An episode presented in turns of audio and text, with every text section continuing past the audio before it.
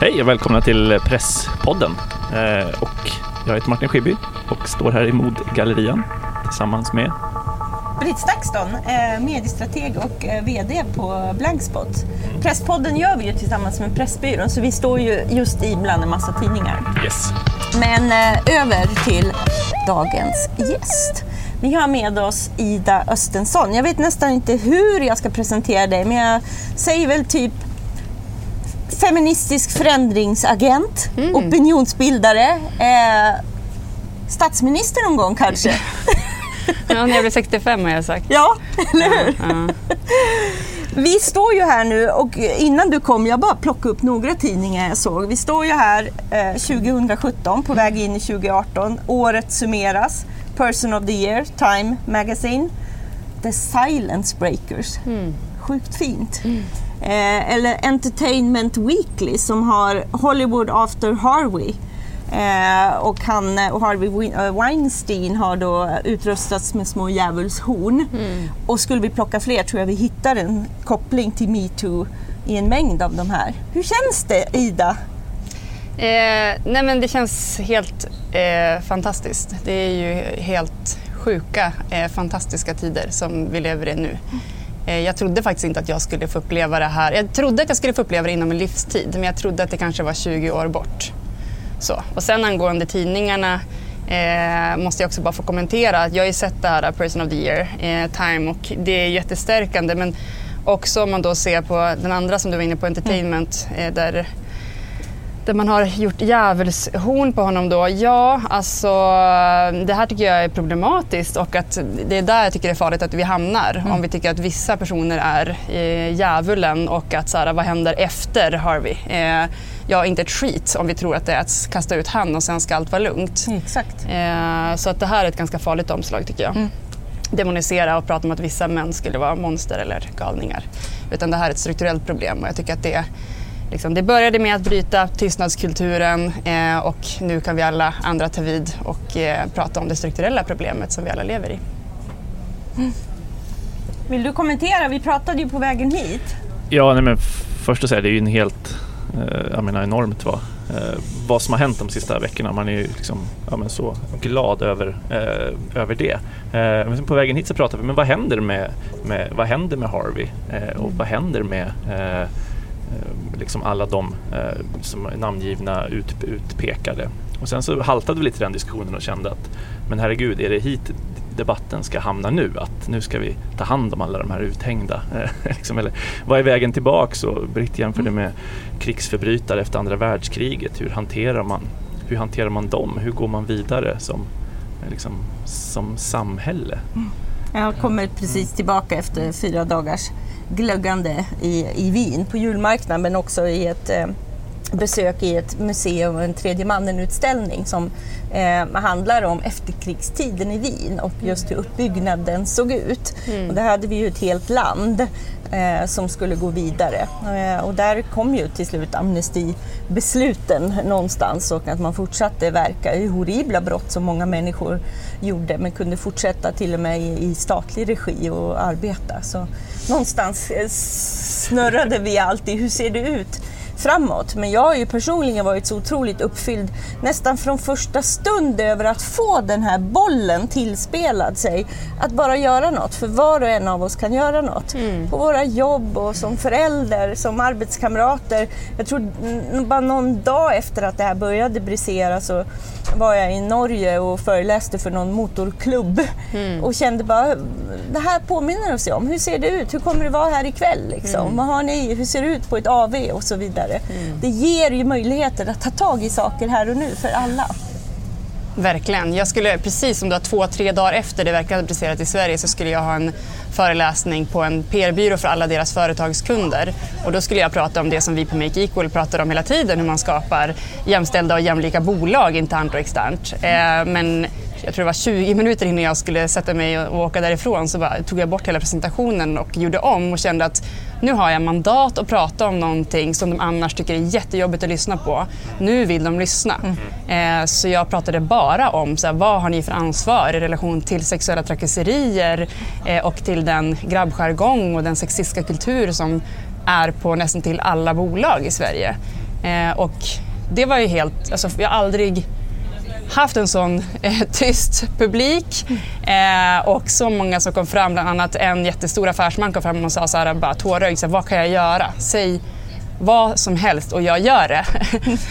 eh, och jag sa, men jag hör av mig och sen så skickade jag ett mejl eh, dagen efter och sa jag vill att du bjuder in hundra av de största företagen till en stor träff och att vi eh, tar det här nu vidare inom näringslivet som jag tycker haltar. Mm. Och det gjorde vi också eh, för att prata just om vad, vilka krav enligt lag finns men framförallt vad kan de göra i det främjande och förebyggande arbetet för att det här inte ska uppstå. Inte bara när det brinner, hur ska, alltså folk bara vill tvätta sina varumärken ja. och, och kapa folk utan liksom, hur tänker vi med allt det här andra? Eh, tror vi att vi slänger ut en och då är det rent i rummen, då är vi liksom, som jag sa innan, mm. eh, på farlig väg. Mm. Men nu har det ju gått ett par eh, veckor till och det är ju verkligen en otrolig möjlighet att, att blicka framåt och ta tag i de strukturella problemen. Vad ger du för råd? Eh, hur tänker du kring det nu, framåtarbetet? Men det första är eh, att bryta tystnadskulturen. Alltså även om man inte känner att man kan frågorna, om man inte ens är säker på vad har jag gjort över tid eller vem är jag i den här positionen, eh, så tycker jag att alla chefer eh, ska ta upp det här i ledningsgrupper och sen för all personal. Eh, och eh, liksom lyfta locket, att vi fattar att vi även har det här internt. Och steg två efter det, det är inte bara att lyfta ett lock, sen måste man ju kartlägga. För alla kommer inte kunna berätta rakt ut. Så här, jo, men jag tycker faktiskt att du är ganska sexistisk mm. eh, på våra AVn. Utan då måste man använda olika former av analysverktyg för att se. Eh, där man alltså, direkt ställer frågan kring sexuella trakasserier. För vanligtvis i de här enkäterna som skickas ut så ställer man frågan Eh, ja, först så ställer man en fråga, är du man eller kvinna? Så diskriminerar man i första frågan för alla som eh, inte definierar sig som man eller kvinna. Och sen nästa fråga, upplever du diskriminering? Ja, nej, eh, hur? Och jag tror ganska få tänker att eh, den här sexistiska jargongen som man hela tiden får leva med är en del av en diskriminering, vilket det ju är. Ehm, så bryt tystnadskulturen, kartlägg och sen sätt in de insatser som behövs. Det är om man liksom är i en verksamhet, i ett företag, på en arbetsplats oavsett egentligen om det är civilsamhälle eller offentlig eller privat. Eh, men sen som privatperson och som man framför allt, att prata med sina manliga vänner. Eh, att börja självrannsaka, att gå tillbaka och fundera över vem är jag och inte slå ifrån eh, att man kanske inte är en del av den här strukturen. Ja, det är några tips, det är hundra ja. tips. Men visst, eh, på, kan du inte berätta lite eh, kort om, om Make Equal? Och visst är det så att ni också kan stötta i den här processen, bland annat med ett sånt här anonymt enkätverktyg som jag tror många finns ett sug efter. Ja. Jo, vi är en jämlikhetsstiftelse. Eh, vi kallar oss för lösningsfokuserade jämlikhetsexperter och vi jobbar med opinionsbildning, utbildning och sen så metodutvecklar vi själva där vi ser att det saknas metoder. Eh, och i, eh, när vi upptäckte då att de här enkätverktygen, medarbetarenkäterna, såg så dåliga ut mm. så för fyra år sedan började vi utveckla ett eget som blev klart förra året där vi tar fasta på samtliga diskrimineringsgrunder. Eh, där man då får prata eller liksom beskriva utifrån vem är jag och vilka normer bryter jag mot på den här arbetsplatsen. Så är man man på en kvinnodominerad arbetsplats så bryter man ju utifrån könsmaktsordningen där eller liksom, eh, om man är minoritet, eh, även om det ser annorlunda ut i samhället. Och sen så har vi också byggt in då anonym dialogfunktion som gör att den som har startat enkäten, till exempel en HR-chef, ser då okej, okay, men shit, 19 procent upplever att vi diskriminerar utifrån religion eh, eller till exempel sexuella trakasserier. Då kan den ställa frågan till de 19 procenten, vad tycker ni att vi ska göra åt det här? Så att man också kan ta fram gemensamma lösningar. Och då kanske det kommer upp att ja, men vi tycker att det är, eller jag tycker att det, man svarar enskilt, tycker att det är Eh, tufft att vi bara firar alla kristna högtider, att all ledighet ska ske utifrån den, den, de kristna eh, högtiderna och röda dagarna. Jag skulle vilja välja själv utifrån mina högtider. Eh, att jag bara varenda jul, även om jag är med på julfesten, vinner jag liksom pris så är det julskinka som jag inte äter och så vidare. och Så vidare. Så att man liksom förstår, för ofta så handlar det om okunskap. Att man faktiskt inte vet att jaha, men gud, är det eh, kränkande för människor. Eh, så att man kan förbättra, för det är det man ska göra, inte bara få... Vår erfarenhet är att många gör det för att få koll på hur det ser ut, men kanske inte sätter in så mycket insatser. Kanske en föreläsning där man märker att man brister. Men alla de här små sakerna eh, som är väldigt stora för många människor tar man inte tag i.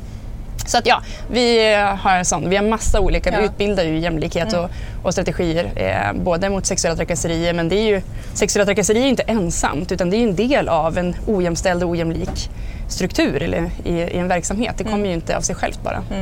Nej, för du var inne på killar där. Kan du, killmiddag? Ja, det startade vi för ett och ett halvt år sedan.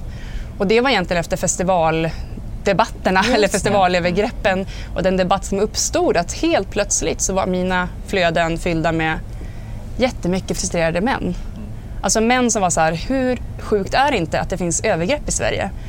Och då blev jag lite provocerad. Jag har också startat fattarö- eller Make Equal har startat Fattarörelsen som jobbar mot eh, sexuellt våld och för samtycke. Och vi vet ju att det är ju 100 våldtäkter om dagen, 36 000 våldtäkter om året i Sverige, varav 1-2 procent sker på festivalerna. Och man är också mer benägen att anmäla övergrepp som sker på festivaler än i hemmet till exempel.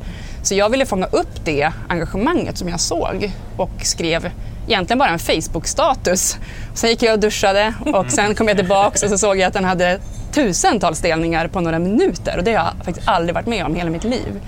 Så då gick jag in och redigerade, la in en hashtag som bestämdes på sekunden. Det blev hashtag killmiddag med just fokuset att män måste prata med andra män. Alltså det som vi har blivit fostrade till eh, som tjejer och kvinnor, att prata med andra om saker som känns jobbigt eller så, det trycker män ner. Och vi vet enligt all forskning att det män trycker ner, eh, det kommer upp på andra sätt. Och det drabbar kvinnor, icke-binära och barn. Alltså man kanske trycker ner det genom att jobba för mycket, ja, men då är man inte närvarande hemma. Man kanske trycker ner det så att man sen behöver ta ut det genom fysiskt våld eller droger, missbruk. Och ja, i slutändan kan det leda till självmord. Över 70 procent av självmorden i Sverige begås av män. Eh, så att på något sätt tror jag att den delningen och den satsningen var rätt i tiden. Att så här, vi kan prata om att män är förövare och att män är en, liksom problemet. Så. Men män är också lösningen eh, och patriarkatet drabbar även män på jättemånga plan. Eh, så vi har tagit fram samtalsguider. Eh, idag släpps sex nya samtalsguider. Eh, och vi kommer fortsätta med det här nästa år i en ny satsning som eh, heter Allt vi inte pratar om som vi gör med Studiefrämjandet och IGT-NTO där det kommer vara massa olika delar som kommer hjälpa män att prata om sånt som män annars inte pratar om. Eh, och vi tror väldigt mycket på eh, just det, att börja med sig själv och att kvinnor ska liksom slippa vara en del i den här processen. För det är så lätt nu att alla män kommer hem till sina partners och eh, liksom flickvänner och vill prata om det här. Eh, we had enough, nu får ni göra det med andra snubbar. Liksom. Ja. Nej, men det, ja. ja. det slår an en, alltså när man pratar om utrikesjournalistiken så finns det också en tendens att man ofta men intervjuar och fokuserar på offer och drabbade. Det kan vara liksom naturkatastrofer men också om man skriver om eller läser reportage här i tidningen om trafficking eller människohandel så är det ofta att man möter en barn till en kvinna på en bordell eller någon som har varit utsatt för någonting. Men det är ju extremt sällan som man möter också i journalistiken liksom förövare, Ja. människohandlare eller folk som köper sex eller dels för att det är så extremt mycket svårare reportage att göra. Du har ju alltid menar, när man är ute och jobbar tillgång till de drabbade för att det finns liksom center för överlevare och det finns NGOs och det finns en hel liksom, biståndsvärld som servar dig med, med case och med, med historier och, eh, och annat. Men att göra det andra är ju, kräver ju fotarbete och kontakter och kunskaper och att man vinner ett förtroende hos liksom, förövare. Men det kan man ju känna att, det hoppas jag också att, att en sån här diskussion också kan leda till att man flyttar över den diskussionen till journalistiken. Okej, Ja. men hur skildrar vi då liksom internationellt eh, de här frågorna? Alla de liksom, utsatta eh, kvinnor och mäns liksom, ansvar i, eh, ja, i utvecklingsländer. Att den, att den får de effekterna. För att ofta så, så saknas den biten eh, i, ja, men i klassiska reportage. Att det helt enkelt är eh, enklare att... Jag tror det är förklaringen. Och också att det är det narrativet som man någonstans man köper in också kanske som redaktör. Att det är den Mm. typen av berättelser man tänker det här vill läsarna ha. Mm. Men så jag tror att man skulle vara betydligt mer intresserade. Eller också intresserade av att läsa av förövarperspektivet. Liksom perspektivet.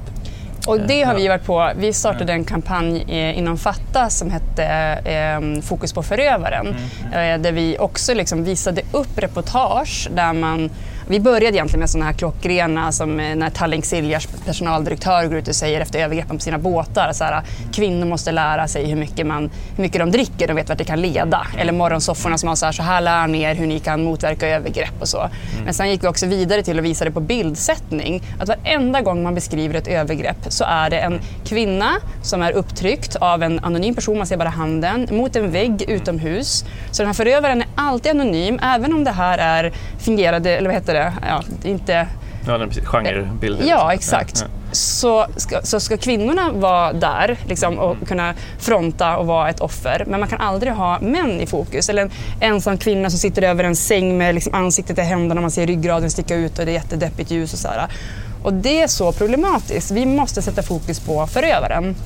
Och när de då hör av sig och ska göra så här, i stora dagstidningar, åtta sidors reportage i en hel vecka varje dag, så har de åtta reportage om olika eh, personer som varit utsatta. Mm, mm. Mm. Och vi har, vi har sagt att vi har personer som kan prata. Det finns Preventell, det finns NGOs också som, mm. och, och liksom verksamheter som möter de som utsätter. Mm. Det finns människor som är dömda, som har gått igenom, sonat sitt, sitt brott, som vill mm. prata om de bakomliggande orsakerna. Så jag tror att det handlar om ett, vana, men två, också slapp journalistik. Ja, verkligen. Mm. Och börjar man borra i det så blir det ju också eh, liksom mycket spännande. Det alltså, har jag inte gjort så mycket i det på senaste åren men när jag började frilansa så skrev jag en del av de frågorna. Börjar man titta på om till exempel en bordellägare i Indien, hur mycket pengar de tjänar så är det en extremt lönsam bransch. Alltså mm. plötsligt så får man också eh, ja, andra förklaringsmodeller än bara liksom att det skulle vara liksom sexualiteten som enbart drivkraft. Det är också yeah. en bransch där man tjänar, tjänar väldigt mycket pengar yeah. eh, på att liksom köpa och sälja människor och det liksom vidgar ju förståelsen för, mm. för problematiken. Nu handlar det om liksom, extrem utsatthet i, i liksom, fattiga länder men ändå att man hoppas att, det, att den här debatten också för med sig sådana tankegångar att man inte köper, som du säger, slapp journalistik mm. i de frågorna efter det här. Nej, vi kommer ju aldrig komma problemet om vi inte förstår de bakomliggande faktorerna. De flesta tror ju fortfarande att våldtäkt handlar om att män har en stark, starkare mm, och stark mm, sexualitet. Mm. Övergrepp har inget med sexualitet och sex att göra. Övergrepp handlar om makt. Det handlar om att man inte fått lära sig känna av andra människors gränser. Eh, att man inte har fått lära sig vad samtycke och ömsesidighet är. Eh, så att det, vi måste börja där. Eh, men eh, då tillbaka till eh, det som vi snuddade vid i början. Om eh, de här, en del av, vi ser just här, djävulen utpekad själv eller så. Det är ju just det där förövarfokuset fast på fel sätt. Så. För att det blir som om att det är en pusselbit man kan ta ut på något sätt så mm. kommer allting ordna sig. Mm. Eh, hur gör vi? Eh jag tror att det har varit oundvikligt att vi har... Liksom, jag tror att metoo hade inte varit där vi är idag. Eh, både globalt, om det inte hade börjat med Harvey eller i Sverige med de männen som blev outade. För att vi har försökt. Vi har, alltså, Fatta startade med att dela berättelser. Det här som händer nu, det har vi gjort, i, liksom, men det slog inte på samma sätt. Eh, för att hur media fungerar, de vill ha ett namn, de vill krossa den här uppburna feministmannen eller byggaren eller vad det nu än är. Liksom. Eh, så jag ligger ganska mycket, alltså jag är tacksam att media har fått igång det här och verkligen synliggjort det.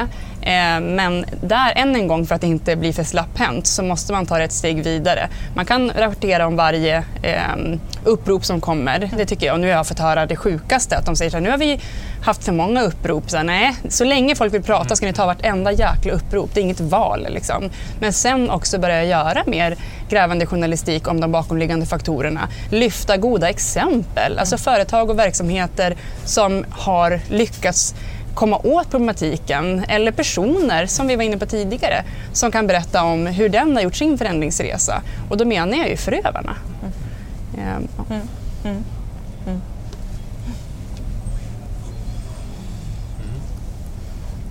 Ja, massa tankar man borde ta tag i journalistiskt. Journalistiskt ja. blir du sugen? Ja, spännande. Ja, nej, men det, ja. Ja. Eh, ja. det är ju verkligen en fråga som du skrev mer om i början. Ja, men verkligen. Ja. Eh, mycket kring, kring människohandel, och, men också kring att det hände ju också någonting när det var offerberättelser, det låter lite dumt att säga så, men liksom, får hitta något bättre ord för som, som liksom medier behövde. Det mm. hände ju någonting i de här NGO-erna också som jobbade med utsatta människor att man kanske ja, men i många länder tvingade människor att berätta som kanske inte alls var redo för att berätta Mm. också för en internationell publik och hur det blev en kamp mellan olika eh, NGOer att helt enkelt ha de mest hårresande fallen för att få internationellt stöd och att det Mm. var ju en sån med hon som var en hero i, i Kambodja, eh, Somali Mammo, liksom lyftes fram och där det senast avslöjades att hon hade ju liksom, ja, men, ändrat sin historia för att passa in i en internationell mall för att få funding. Alltså så att det är också en... eh, Ett, eh, ja, och det vilar ju ett väldigt stort ansvar skulle jag säga på den journalistik som har bedrivits då kring de Mm. Frågorna där att man inte har Mm. helt enkelt kollat, kollat de berättelserna. Ja, man är värda bättre, bättre journalistik. Och det visste jag inte Ja. om och det låter ju helt fruktansvärt och där har vi inte kommit till Sverige eftersom det inte är. NGO-erna som går- träder fram med berättelserna utan nej. det som är så himla unikt tycker jag med Sverige att det här det är, liksom, det är människor på sina arbetsplatser som startar de här uppropen. Jag är med och samordnar alla de här olika uppropen och det är över 60 stycken nu. Och vi träffades för första gången för två veckor sedan allihopa, eller eh, 50 personer och det var så mäktigt. Alltså det är ju inte de av oss som är engagerade annars. Liksom jag var där som driver de här frågorna men annars var ju majoriteten sådana som aldrig någonsin har gjort det här tidigare. Så vi har ju i den här tråden, okej men hur gör man för att samla in berättelser på ett tryggt sätt? Vad ska vi ha för regler vi liksom inte blir anklagade för, för eh, att vi är olagliga på något sätt med förtal eller sådär. Och det, hur går vi ut till media? Hur hanterar vi så att media inte utnyttjar oss? har varit en stor fråga. Många har känt sig väldigt eh, att media har makten eh, och det tycker jag är jätteproblematiskt vad gäller sådana här frågor. Ehm, Och jag har ett Så. intressant exempel på där ehm, Nordiska museet samlar ju på folkminnen så, och försöker ju ehm, vara väldigt så här, i samklang när det dyker upp saker. Och, eh, det som förr i tiden var ett brev man skickade in för att berätta om en julsed eller en tradition eller något som hade hänt, en demonstration på en ort eller så, finns ju nu ett digitalt eh, motsvarighet till, minnen.se. Och så fort något dyker upp försöker man ju, när det kom de här stora migrationsvågorna, så gjorde man något samarbete med DN kring det. Så när metoo dök upp så eh, passade ju de på att också efterfråga Eh, för att man kan ju inte bara kopiera det som finns i sociala Nej. medier utan det måste ju vara inskickat till dem så att säga. Och traditionellt sett har nog Nordiska museet kanske svårt att få in det här stora flödet av berättelser för att vi ju just berättar själva oberoende av plattform idag. Men i det här fallet så var det så intressant för där dök det också upp en ny målgrupp av de som ville berätta, sådana som faktiskt uppskattade just Nordiska museet som en insamlingsaktör som hade känt att man inte ville vara en del av en medieberättelse eller kände sig bekväm att berätta i sin Facebookgrupp. Men att skicka in till ett museum som, baserar, som sparade för eftervärlden och just vittnade då om att det här är saker jag inte har berättat om under hela mitt liv. Ja. Liksom, att där blev det en målgrupp som kände det här var en bra plattform för mig för att ta det ett steg vidare. Mm, det är helt fantastiskt. Och jag tror att det är väldigt många som, eh, de flesta har ju inte berättat, eh, och det är väldigt många, inklusive mig själv, som när man läser de här förstår att men gud, och det där, och det där, och det där har jag varit med om. Just det, alltså jag såg ganska många i början eh, kvinnor som gick ut och sa att jag stöttar metoo liksom, till 100% men jag är tacksam över att jag aldrig varit utsatt för det här. Sen gick det tre dagar till en vecka så kom Så de ut och bara på. jag tar tillbaks. Gud, senast förra veckan.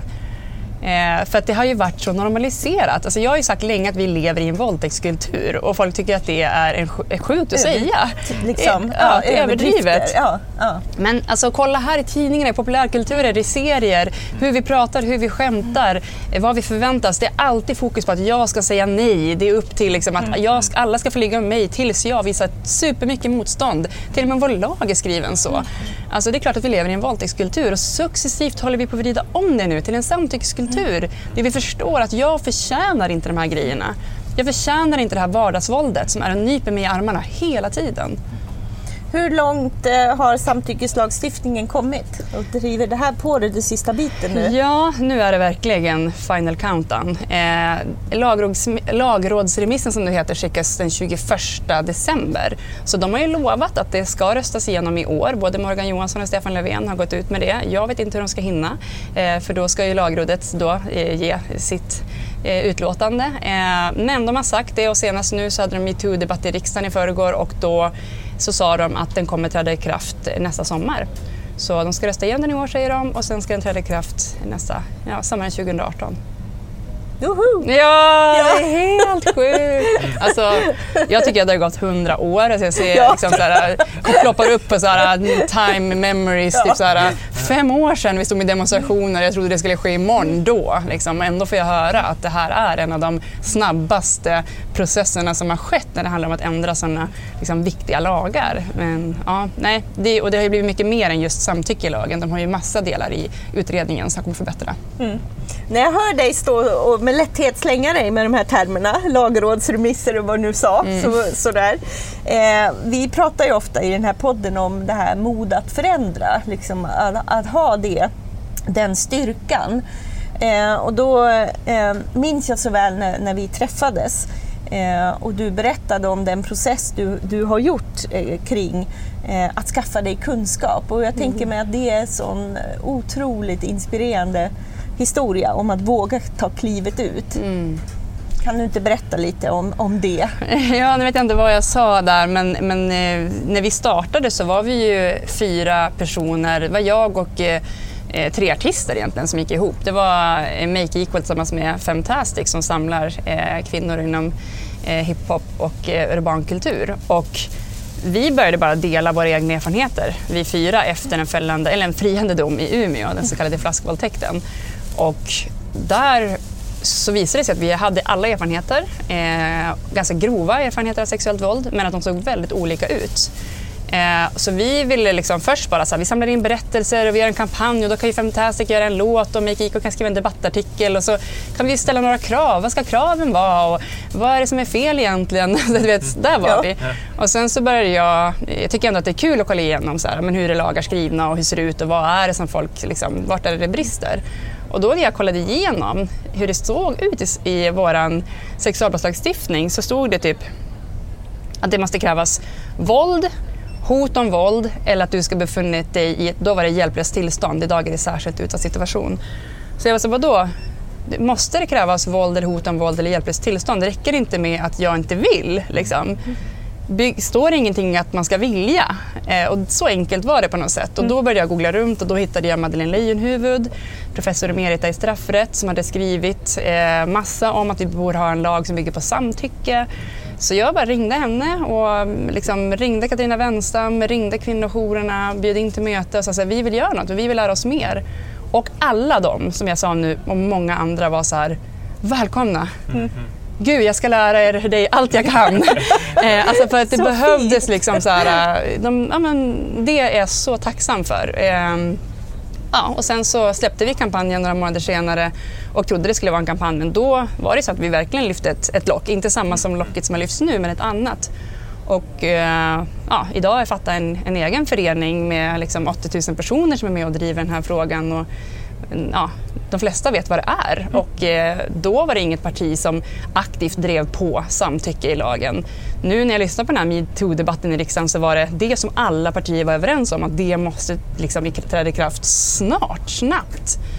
Ehm, ja, så jag har frågat väldigt mycket och jag har lärt mig under tiden och jag blir lite så rädd när jag tänker tillbaks på de här första morgonsofforna när jag sitter med olika personer ur advokatsamfundet och allting. Och jag, och jag liksom har bestämt mig för så tre argument och upprepar dem tre gånger om. Och, så och bara, gud vad tur att jag inte fick den där frågan för det hade jag ingen aning om. Men ja, jag är väldigt tacksam att vi, vi gjorde det.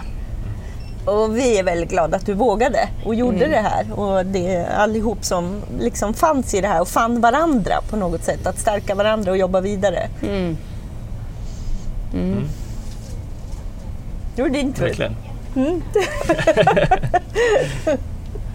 ja, nej, men jag, jag lyssnade på när du höll ditt tal på, på Sergels torg, där, just det här med att vad samtycke också, att, vad det handlar om och förståelsen av det, det här att nej är ett nej, hur fel det någonstans blir. Att, Mm. herregud, det krävs ju ett, ett samtycke för att eh, ja, det inte ska vara någonting annat. Men att också det måste ju... Ja, Att den, den det debatten har man ju verkligen nu. Precis, allt annat än ja är inte Ja. okej. liksom. Ja. Det var verkligen att slå huvudet på spiken. Så att den, eh, ja, nej, det är ju det är en höst som har...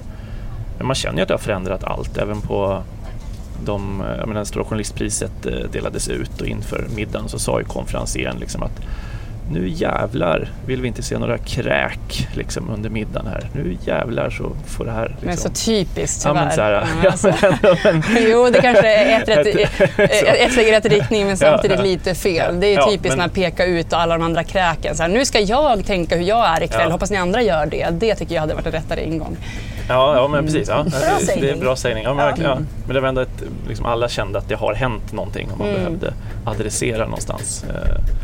Någonstans det om man ändå jämför med eh, jag tänker på också en annan, hur det har tagits emot. Tidskriftsgalan så togs det upp av konferenserarna mer som att ja, nu ska, ikväll ska vi ha trevligt ungefär. Och sen så nästa vecka då kan vi ta och prata, om, prata vidare om det här. Och det var ändå liksom lite i början av när det bubblade i Sverige. Så, ja. Det har hänt otroligt mycket på, på kort tid. Mm. Ja, Jag var på en stor PR-gala där också i början och det var ju fruktansvärt. Spinn, Ja. ja. Man vet inte mycket att få nämna här men nej, det var verkligen hemskt. Och Där var det ju då eh, René och David, heter han David nu? Helenius var det ja. De som var konferenserade och eh, det var bara, det började liksom med att så här, nu har TV4 nya regler, vi får inte krama någon av er som kliver upp på scenen eh, för man vet inte vad som kan vara överträdelse nu för tiden. Och, Alltså det började så, det slutade med att så här, efterfest i badtunnan, hehe, skämta bara. Och då pratar man om en pågående utredning för en våldtäkt i en badtunna som en av TV4s dåvarande personal hade utfört. Så att det är liksom det var så... Det är ju fortfarande en tystnadskultur för det jag hade velat, alltså det jag hoppas vi är om några år, det är att varenda jävel i salen ställer sig upp då och bara säger men usch, tyst, nej, gå av scenen, bu! Men folk börjar liksom skruva lite på sig, liksom 50% 50% skrattar lite tafatt liksom och några sitter och fattar ingenting. Inklusive de själva som helt förnekade det här i media. Sen, han sa till mig att jag inte sagt det. Ursäkta? Det var 500, 800, jag vet inte hur många det var där, tusen Ja. pers i salen. Klart fan du sa det liksom. Mm. Nej, men jag tror man behöver rusta sig också med en del sådana här, ehm, nu apropå också gå vidare väldigt så här konkret, det är ju, jag tycker man också upplever män som lite sträcker sig lite slarvigt över en och ska skoja om att man metooar eller inte på liksom i köer någonstans eller på sant? flygplansstolen eller någonting sånt där. Man bara känner att man behöver rusta sig för att vara väldigt snabb med att markera på samma sätt som det du säger, att inte acceptera ett skämt i en sån här miljö på något sätt. Eller just att nu har det blivit för mycket metoo eller så. Man behöver verkligen eh, Nej, men den hör man ju ibland. Så, I Ja. dessa metoo-tider ska Ja. väl inte jag ungefär. Ja, Ja. Nej, det ska bör man ju hugga. Ehm, men Ida, ska vi ehm, avsluta någonstans eh, där vi började när du kom in? När den här energin som jag ser i dina ögon över att det på riktigt var så att inte ens du som har jobbat så nära hela den här förändringsrörelsen eh, kunde se att det skulle gå så här snabbt. Eh, att det inte skulle ske under din livstid. Eh, och nu har vi tagit så här stora kliv och då betyder det ju vad kan vi då inte åstadkomma under din livstid? Eller hur? Ja, men verkligen. Och också tänker jag alla som säger nu att ja, men nu håller ju metoo på att eh, ebba ut och så. Att de ska bara veta hur mycket som finns kvar. Eh, hur mycket planer som finns inom alla branscher. Eh, och ja, mycket vi från Make Equal kommer göra också. Så jag ser väldigt mycket fram emot att leva i den här tiden och vara en del i det förändringsarbetet. Eh, vi eh, gör ju eh, Presspodden tillsammans med Pressbyrån och eh, finns här bland en massa tidningar. Och, eh, det man får som gäst hos oss det är en chans att gå och välja sin egen eh, någon litteratur här inne. Kanske lite inspiration inför kommande ledighet. Ja, tack. Jag skulle vilja lämna över en grej till er också. Eh, ni ska få en påse var här från oss på Make Equal där det står vi bryter tystnadskulturen. För är det någonting som jag vill att alla ska ta med sig från metoo så är det just det. I det privata och i det offentliga. Att aldrig sluta prata. För har vi märkt någonting så är det ju ordens makt, både det skrivna och uttalade. Mm. Jättetack. Tack! Ska vi se vad jag ska ta för något då? Är det det Ja. jag ska gå runt och Ja. kolla på nu? Vad har du för medievanor när du är lite ledig? Eh, ja, eh, jag är ganska dålig mediekonsument så att eh, jag tar in ganska enkelt och lättsmält kultur eh, och eh, media när eh, jag jobbar. Sen så är jag ledig en månad över somrarna ofta och även några veckor eller månad över jul och då kan jag bara gotta in mig och när jag kommer hem över jul så är det ju faktiskt Hänt Extra, Svensk Damtidning och så vidare som jag konsumerar eh, årets senaste tidningar från. Det kanske inte alla tror om mig, men eh, så är det. Så du har koll på allt detta? Men annars är jag faktiskt väldigt, väldigt eh, dålig på att eh, konsumera eh, tidningar. Jag hade ju när jag var liten prenumererade jag på Veckorevyn och Frida och alla de här men jag läser ju artiklar på nätet allting. Eh, så jag tänkte att jag ska titta runt men skulle jag kunna få önska att ni utifrån det, det ni känner mig väljer eh, en var och ger till mig. För jag kan ta tillbaka den som inspiration så att jag kanske får utmana lite grann vad jag annars konsumerar. Annars blir det ju Hänt Extra och Damtidning jag tar med mig. Ja, undvika det? precis.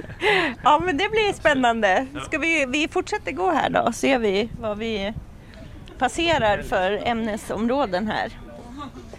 Du hittar. Men Jag eh, skickar med eh, Ida förstås eh, faktiskt Total Film med The Last Jedi. Eh, Gillar du Star Wars-filmerna? Nej, jag har aldrig sett. Kanske blir du inspirerad. En filmtidning. Ah, tack. Ja, det är bra. Det jag... Jag skickar med en resetidning. Även om du inte ska resa. Så får du Vagabond, den. gammal Ja, klassiker. Gammal klassiker. Vi får väl säga jättetack för att du kom Ida och jag vill personligen säga ett stort tack för allt ditt jobb och din energi. Det är en jätte, jätte inspiration. Och då får jag passa på att tacka er också som länge har varit mina inspiratörer. Och, ja, man det är er bland annat jag har tittat på för att hitta strategier och pepp till att fortsätta kämpa. Så tack för att jag får vara med och prata med er. Härligt. Ja. Tack. Bra slutord för Ja. 2017 och fokus framåt. Absolut. Tack och hej. Låt mig påminna er om att första världskriget var slut 1918. Då var det inte så att vi grabbar var på hugget. Utan det var tjejerna, kvinnorna som var på hugget. De ville veta vad hände med modet i Paris. Man ville köpa en modetidning för att kunna slå upp den och se så här vill jag vara klädd i vår. Det fina med de här modetidningarna var då att längst bak fanns det beställningskupong. Där kunde man beställa ett mönster. Man fick hem mönstret, gick till tygaffären, köpte tyg, gick hem och sydde för i stort sett varje hem hade en symaskin. Annars gick man till sömmerskan alltså. Detta företag som hade agentur och köpte in dessa modetidningar hette Wennergrens Journalexpedition. Snart var vi ju den allra största kunden till Wennergrens Journalexpedition.